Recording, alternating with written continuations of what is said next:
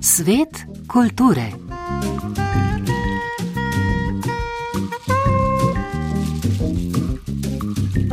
Drage poslušalke, cenjeni poslušalci, dober dan. Letos mineva sto let od rojstva Karla Destovnika Kajuha. Slovenski pesnik, prevajalec in narodni heroj se je rodil 13. decembra 1922 v Šoštanju. Tam v teh dneh potekajo številni dogodki in druge aktivnosti pod skupnim imenom Kajuhovo leto. V oddaji poročamo tudi o dogajanju ob projektu Go Borderless, gremo brezmejno, prestolnica kulture bo namreč leta 2025 Nova Gorica. Ostanite z nami.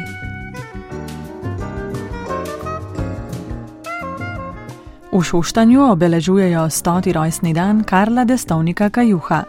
Vrhunec celoletnega dogajanja predstavlja Kajuhov festival, ki ga bodo letos sklenili z osrednjo proslavo. Vlada je na pobudo Ministrstva za kulturo prihodnje leto razglasila za Kajuhovo leto, kar domačini še posebej pozdravljajo. Po pisniku so poimenovali prenovljen park, tamkajšnja osnovna šola je spet dobila nazaj Kajuhovo ime, tako pa se imenuje tudi kulturni dom. Več Mitka Pirc. Rojstno mesto Karla Destovnika Kajuha je vse leto v znamenju praznovan stote obletnice pesnikovega rojstva. Vsako soboto so denimo v parku prebirali Kajuhove pesmi.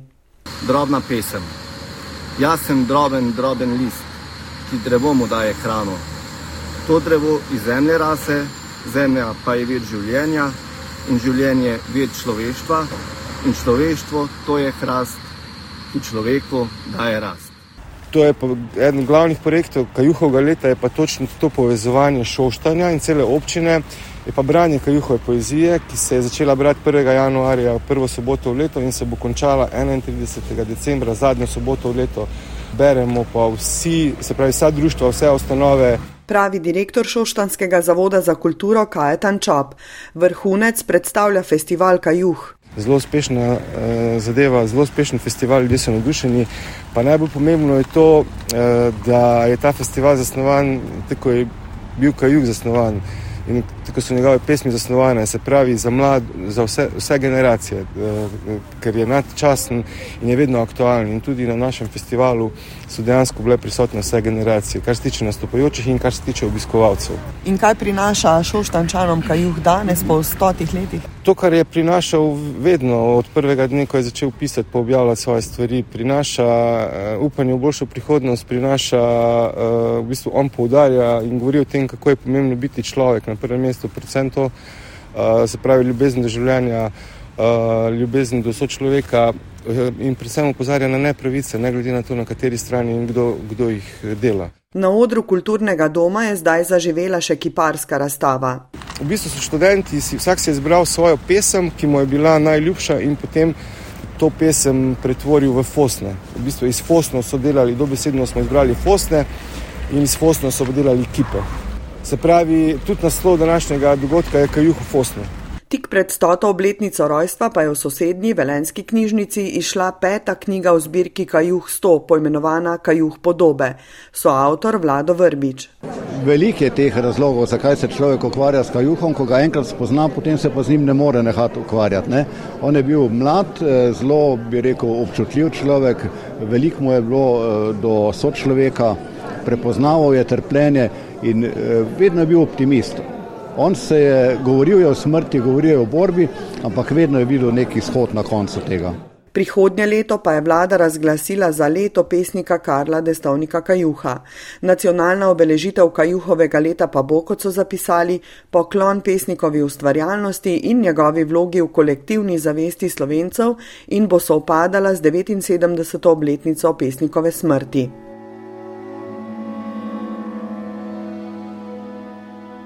Zdaj pa na drugi konec Slovenije.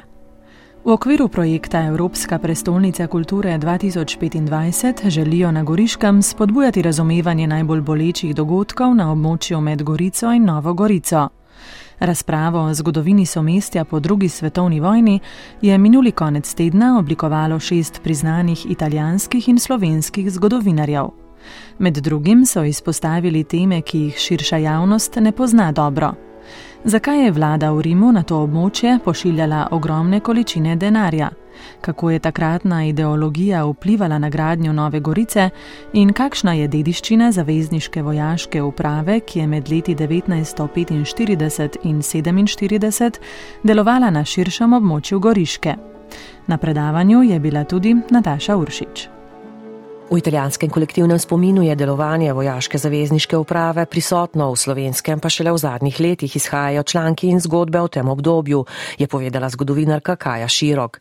Konec druge svetovne vojne zato ni pomenil konec vojne na območju Goriške. Zavezniški vojaki, predvsem ameriški, ki so bili na našem ozemlju situirani, pa do same situacije in do historičnosti tega območja niso podajali veliko pažnje. Bili so zelo slabo informirani, slabo izobraženi, v kakšno področje so prišli, in tudi zelo hitro je povojna ideološka uh, bitka za prevlado v Evropi prevladala tudi na tem območju. In če ravno za leto 45 tega ne moremo reči, za leto 46 lahko že trdimo, da so zavezniki privilegirali italijansko stran, ker nikakor ne bi želeli, da bi celotno območje prešlo pod jugoslovansko upravo. Ana Di Gian Antonio iz Inštituta za preučevanje sodobne zgodovine in odporništva Fulanije Julijske krajine Isrek je povedala, da je strani rimske vlade na to območje prihajal velik tok denarja za različna društva in združenja, ki so zagovarjala podobo italijanske gorice. S tem denarjem so spodbujali patriotizem pri italijanih, da ne bi podlegli političnemu vplivu Jugoslavije. Toda bilo je kar nekaj težav, kajti italijanske organizacije so govorile o tako imenovani slovanski nevarnosti prav zato, da bi dobile denar. Večja je bila nevarnost, več denarja je prihajalo. Ustvaril se je začaran krok nacionalizma. Takratna ideologija pa je vplivala tudi na arhitekturo, razlaga Jure Ramšak, znanstveni sodelavec na Koperskem inštitutu za zgodovinske študije. Tako da Novogorica je zanimiva iz tega vidika, da se gradi točno na hladnovojni ločnici, na enem izmed prvih vročih točk hladne vojne v bližini Trsta.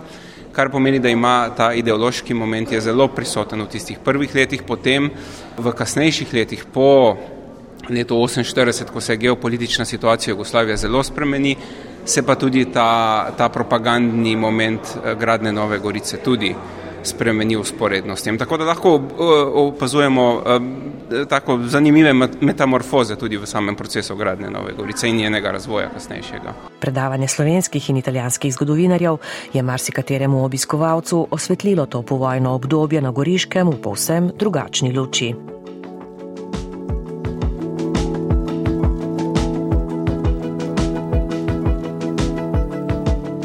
Pred koncem pa še zanimiva vest.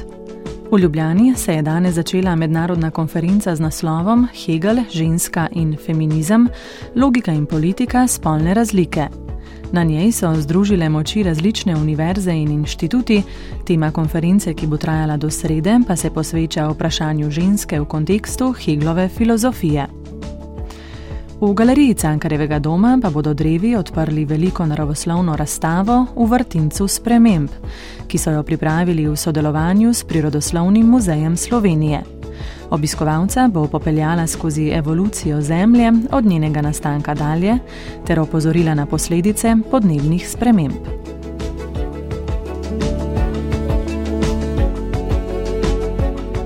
Dragi poslušalci in poslušalke, ponedeljkova oddaja je pri koncu. Pripravila in vodila sem jo Ana Rozman, za tonsko podobo je poskrbela Klara Otorepec. Hvala za vašo pozornost, prijeten dan še naprej.